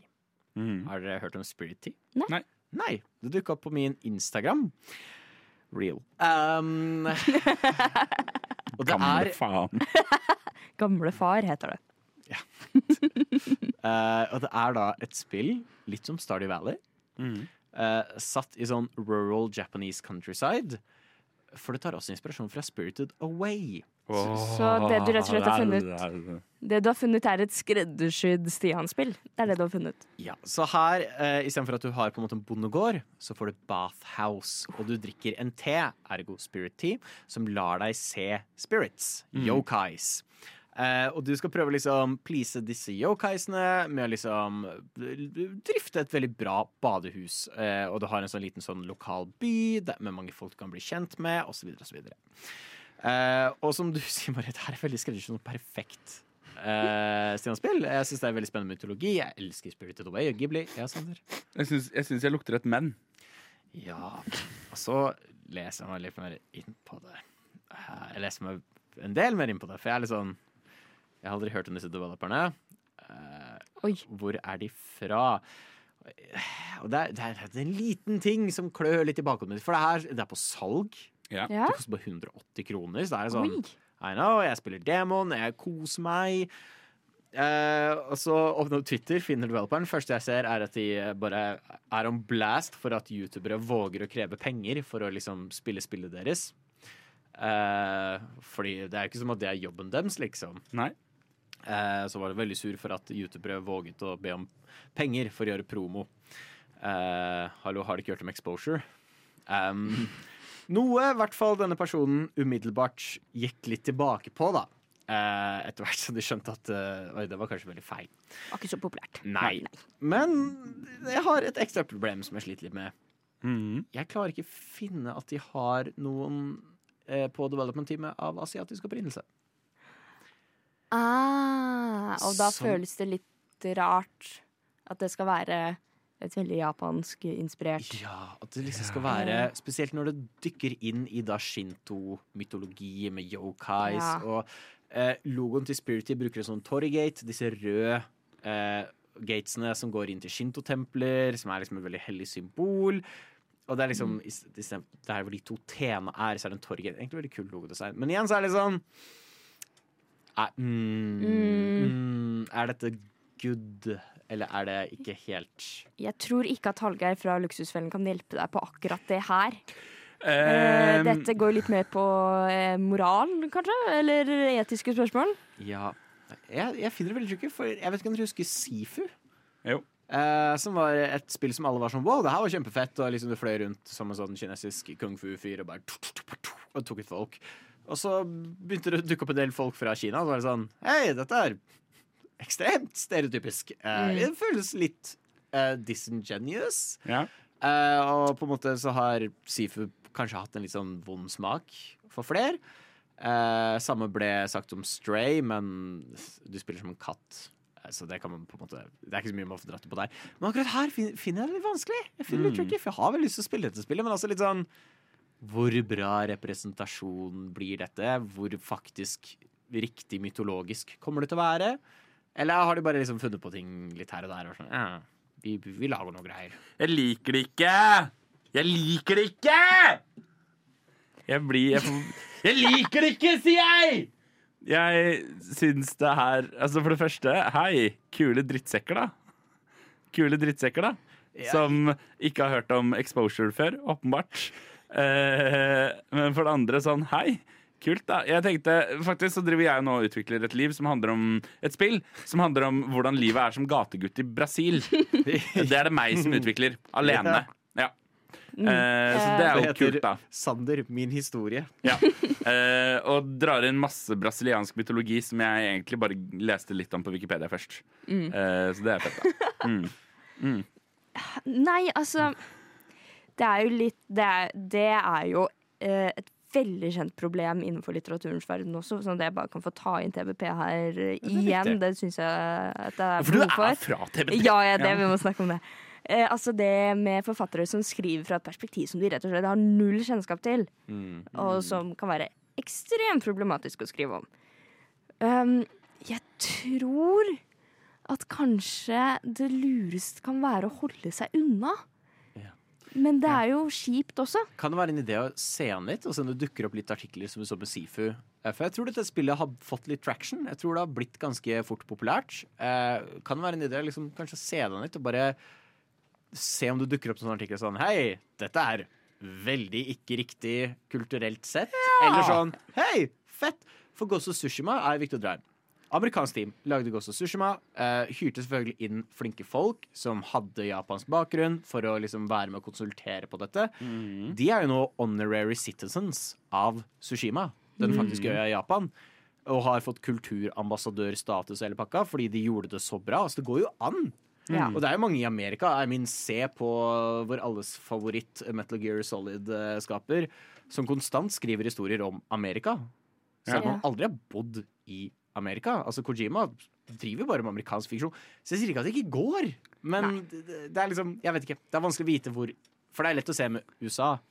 Og det her var på en måte riktig representasjon. Eller hva f det her er ikke hvordan USA funker. Mm. Vanskelig når det er en kultur vi ikke er så godt kjent med. I have a bad Jeg, feeling. jeg foreslår kjenn litt på temperaturen før du hopper ut i vannet. Ja. I have a bad feeling about this. Hvilket radioprogram er dette? Oi, oi! Jo, jo, ja. Det er Snåsno på spill! Jeg vil ha Gro Harlem Brundtland. Hadde ikke det vært helt vilt fett? Det er en elefant i rommet, er det ikke det, Sofia? Mm, jo. Eh, og det er det at Sofias vokabular er begrenset til tre ord. Stemmer ikke det, Sofia? Mm, ja. Og det, kan det komme av at du egentlig ikke kan prate om dagen, Sofia? Mm, kanskje. Men uh, dette har vi heldigvis sett komme, så vi har uh, spilt inn litt på forhånd. Vi har, vi har juksa litt. Og så har vi juksa litt. Så uh, vi skal rett og slett få et stikk med Sofias stemme. Og vet du, jeg gleder meg til å høre den. Jeg gleder meg til å høre den. Her er den. Yeah! Vi skal til ditt favorittema i hele verden. Horizon Forbidden West. Nei, Prey. Nei, jeg bare kødda. Vi skal til AI! Helvete! Og vi skal til våre beste venner i eh, Microsoft. Nei. Som nå har partna med et AI-selskap for å gjøre game development lettere. Phil Spencer! Faen! Altså, Stian kommer til å hunt you down and kick your ass. Men jeg syns jo dette er litt uh, Jeg synes dette er en litt interessant sak. Eh, fordi jeg var Greit, tech, bro. Uh, nei, men jeg var nylig, nylig på et foredrag av en uh, dame som pratet om hvordan uh, AI uh, Altså hvilken plass AI kan ha i radio framover. Apropos hvilket medie jeg vil sende på. Uh-oh. Um, og eh, jeg tror nok at i det rommet som finnes mellom AI og eh, kreative yrker, så er det ting som kan gjøres lettere. Og mer effektivt. Og bedre. Altså Ja. Ok, Kan jeg da dra fram? Fordi La oss, la oss bryte det veldig Oscar-verdivinnende skuespillet vi hadde der. Jeg har lest ganske greit inn på det her. Eh, det passer ganske ekstra òg at det er faktisk The Game Awards selv som brøt denne nyheten. Sånn Xbox has announced a partnership with In-World AI to bring generative AI to games, including AI game dialogue and narrative tools at scale. Nei! Og dette er nøyaktig hva skuespillere og manusforfattere driver og kjemper for i USA nå. Yep. Jeg forstår ikke at de tenkte at dette er en god idé å annonse. Dette, dette er kult. Spesielt, og det er veldig viktig å, å prefisere, 2023, og vi har pratet om dette mye, har vært et fenomenalt år når det kommer til Ja, spill. 100 Vi har sett rekordprofitter. Mm. Og folk, eh, selskaper har skrytet veldig mye mm. over disse rekordprofittene. Eh, av en eller merkelig grunn, da, så har også vi aldri sett et år hvor flere folk har fått sparken fra spillindustrien. For jeg har tallet her. Det er ikke et konkret tall. 6000 pluss mennesker har fått sparken i 2023 alene. Uten noe god grunn, fordi det er sparken fra studioer som rapporterer rekordprofitter. For det er liksom problemet mitt oppi det hele. Uh, vi må slutte å se på AI som liksom en helhetlig løsning. AI er et verktøy. Nettopp. Og AI kan brukes som et verktøy. Og det kan brukes godt som et verktøy. Og det kan gjøre massevis av manuelle oppdrag som er kjempeslitsomme å gjøre manuelt, og som er tidkrevende og sånn. Men når du begynner å sparke 6000 mennesker og skal ha dem til å skrive Til å gjøre fuckings kreative yrker! Ja. Eh, og her har jo da Shelby Young, som er en voice actor, som har spilt i mye, blant annet Horizon, Star Wars, God of War, Baby Shark. Eh, har gått ut og lagt fram, eh, for det er interessant. Fordi måten mange prøver å spille ned eh, på en måte alt av AI-bruk når det kommer til å ta over kreative yrker Mm. i spill, er at det går fint, for vi, vi kommer ikke til å gjøre så det påvirker main story osv. Det er bare snakk om for å ordne dialog for NPCs. Mm. Eh, sånne bakgrunnskarakterer, sånn som pe pedestrians, altså gatefolk rundt Ja. omkring i Spiderman for eksempel. Mm. Eller for å gjøre, skrive sidequester, bare sånne repeterende sidequester osv. Men det Shelby Young har dratt fram, er at for det første, voice acting-industrien er røff. Det er mareritt å komme inn i. Sånn nesten alle starter med å komme seg inn i voice acting i denne industrien, er via å voice denne type NPCs. Mm. Det er sånn de starter. Når du fjerner den biten der, så er det brått mye mer vanskelig å komme inn i voice acting. Og vi kødder mye med at Chris Pratt spiller alt, men da havner vi i et punkt hvor det er Troy Baker som bare spiller alt. Fordi ingen andre får den muligheten til å prøve seg ut, til å lære, til å teste det å være en NPC, og så prøve å dra det videre. Kanskje det kan være en uh, Sidequest-NPC. Og så oi, shit, det funka bra. Kanskje det kan være en Mainquest-NPC. Oi, shit, kanskje, kanskje det kan være en main character. Og så videre. Og samme gjelder da også writing positions. Og game design positions. Folk starter sin juniorkarriere med nettopp å skrive disse små sidequestene som vi ikke tenker så mye over. Og så bygger de seg oppover og bygger seg oppover. Når du fjerner ut det, da, hvordan skal du begynne med Da blir det den å, vi trenger flere års erfaring. Å nei, du kan ikke få den erfaringen fordi vi lar AI gjøre alt sammen. Det er som å si at å, la oss bare eh, bruke AI til å skape alle statistene i bakgrunnen av en serie. Yeah. Nei, nei, vi skal ikke ha en faktiske folk, faktiske statister, ekte mennesker som går rundt i bakgrunnen. Nei, nei, nei, nei bare la oss eh, eh, eh, generere Hva heter det? Generere eh, mennesker med sju fingre. Ja, det blir bra! Å herregud, men jeg blir, jeg blir så forbanna. Sånn, ikke bare kunstnerhjertet, men det faktum er at hva Skal de plutselig bare ta opp alle Snålt på spillsendingene og eh, lage eh, eh, sendinger? Nei, for det er, jo, det er jo der problemet med fuckings AI kommer inn. AI kan ikke skape noe som er originalt. AI kan replisere. AI er jævlig god på å replisere! De klarer ikke å skape originalitet. Og fuckings hvis vi lar AI begynne å skrive manus, da får vi Horizon Zero Dawn åtte ganger, da! Og jeg tenker også sånn Vær så snill, heller bruk AI til å Eller AI, KI, eh, til noe som kan faktisk hjelpe. Noe som kan Altså eh, Intervjuet vi hadde med Joakim eh, flere sendinger siden, Mm. eh, om eh, skeiv eh, representasjon i spill, hjelp oss med å fjerne hets. Hjelp oss med å sortere, filtrere gjennom chatter. Hjelp oss med å eh, fremme eh, kvinnelige eh, spillere i en bransje. Altså, bruk disse ver verktøyene for godt. Altså, OK, er det vanskelig å duplisere en eller annen greie, en liten kodingssekvens eller noe? OK, la oss bruke det som hjelp, men ikke spark de som gjør dette originalt, de som har eh, en bachelor i manus, de som har jobbet seg opp i skuespillerbransjen. Altså, herregud, er det så vanskelig? Jeg har veldig lyst til å dra inn Jeg vet, eh, for noen uker siden så eh, ga jeg kanskje ikke Spiderman 2 toppscore. Men noe jeg elsker, er at disse random folka som går rundt på gatene, er tatt opp av ekte skuespillere. Og de hadde veldig frie tøyler til å improvisere dialog. Og det er så mye bisarr og liksom artige ting du kan overhøre hvis du bare går rundt i folka. De prater om biler som er taua bort, kjærester som sitter fast under et kumlokk fordi en bil har parkert over. Det er så mye tull og tøys, og det er kjempegøy å høre. Og den humoren, den, det menneskelige touchet, er noe du aldri kunne fått AI-generert. Er Hvis noen har spilt GTA 5, alt det random pisset som NPCs kan finne på å si, som Ja. er noe av det mest fucka du har hørt i hele verden Du kan ikke få en AI til å skrive fucka satire. Ja, eller bare La meg trekke et annet eksempel. Eh, Mario Wonder eh, Ja. stakk herfra med 100 av 100 troikabarer. De har sånne små blomster som prater. Og de blomstene sier helt fucka kreative, fuckings fantastiske ting! Og det er så med på å bygge den spillopplevelsen og gjøre det spillet til det 100 av 100 det hadde vært. Men hvis de ikke hadde vært skrevet av mennesker, så hadde de ikke vært like kreative og gøye. Så jeg tror vi kan alle være enig her. Og jeg har ikke sett en eneste game development-person på Twitter som har vært noe gira over dette. Alle var sånn Wow, dette er noe av det verste jeg har sett. Wow, det er mest ræva timingen jeg har sett. Jeg tror det kan være greit å liksom highlighte det faktumet at eh, spillindustrien, eh, ref eh, Blizzard Activision som ble kjøpt opp av Microsoft, begynner skummelt å bli tatt over av eh, corporations som ikke bryr seg om kunsten i det. Bryr seg om penga. 6000 pluss mennesker sagt opp i det beste året for videospill noensinne. Det, er, det finnes ikke noen unnskyldning. Når Activision Blizzard har tjent 150 millioner dollar, mer enn det, mer enn det, så hvorfor måtte de da si opp så mange folk? Og Ja. vent, rart. Sjefene sitter jaggu meg med ny profitt hvert år. Det er, det er noe grums. eh, Det fins ikke en god unnskyldning til dette. Jeg håper Phil Spencer, jeg håper Microsoft tar seg sammen og liksom ser litt på at OK, det her var en dårlig idé. De har allerede dårlig rykte på seg på spillene de lager. Kanskje begynne å lage gode spill før man begynner med dette. Jeg står her nå med tidligere president av Nintendo i Amerika, nemlig Reggie.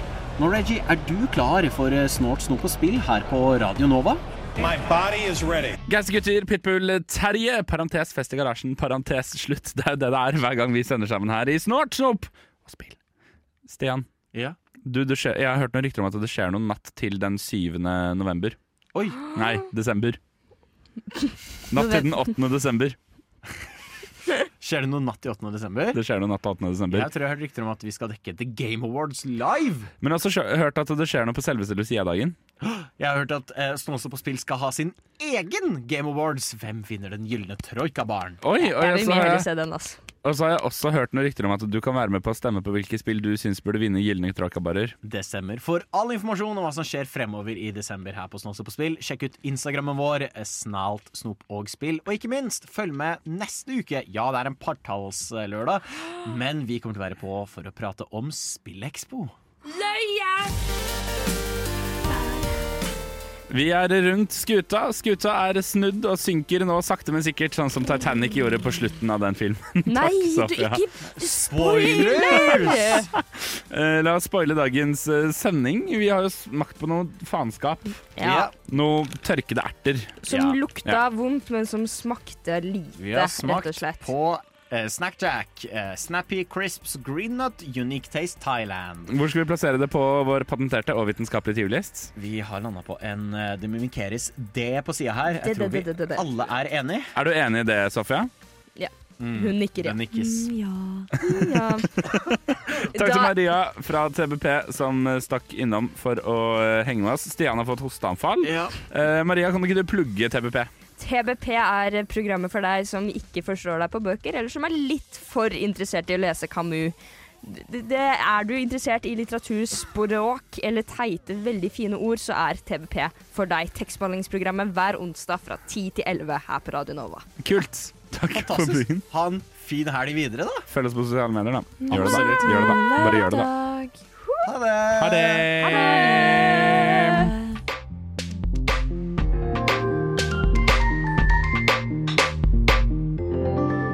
Du har hørt på en Radio Nova-podkast. Du finner flere podkaster i din foretrukne podkastavspiller eller på vår hjemmeside radionova.no.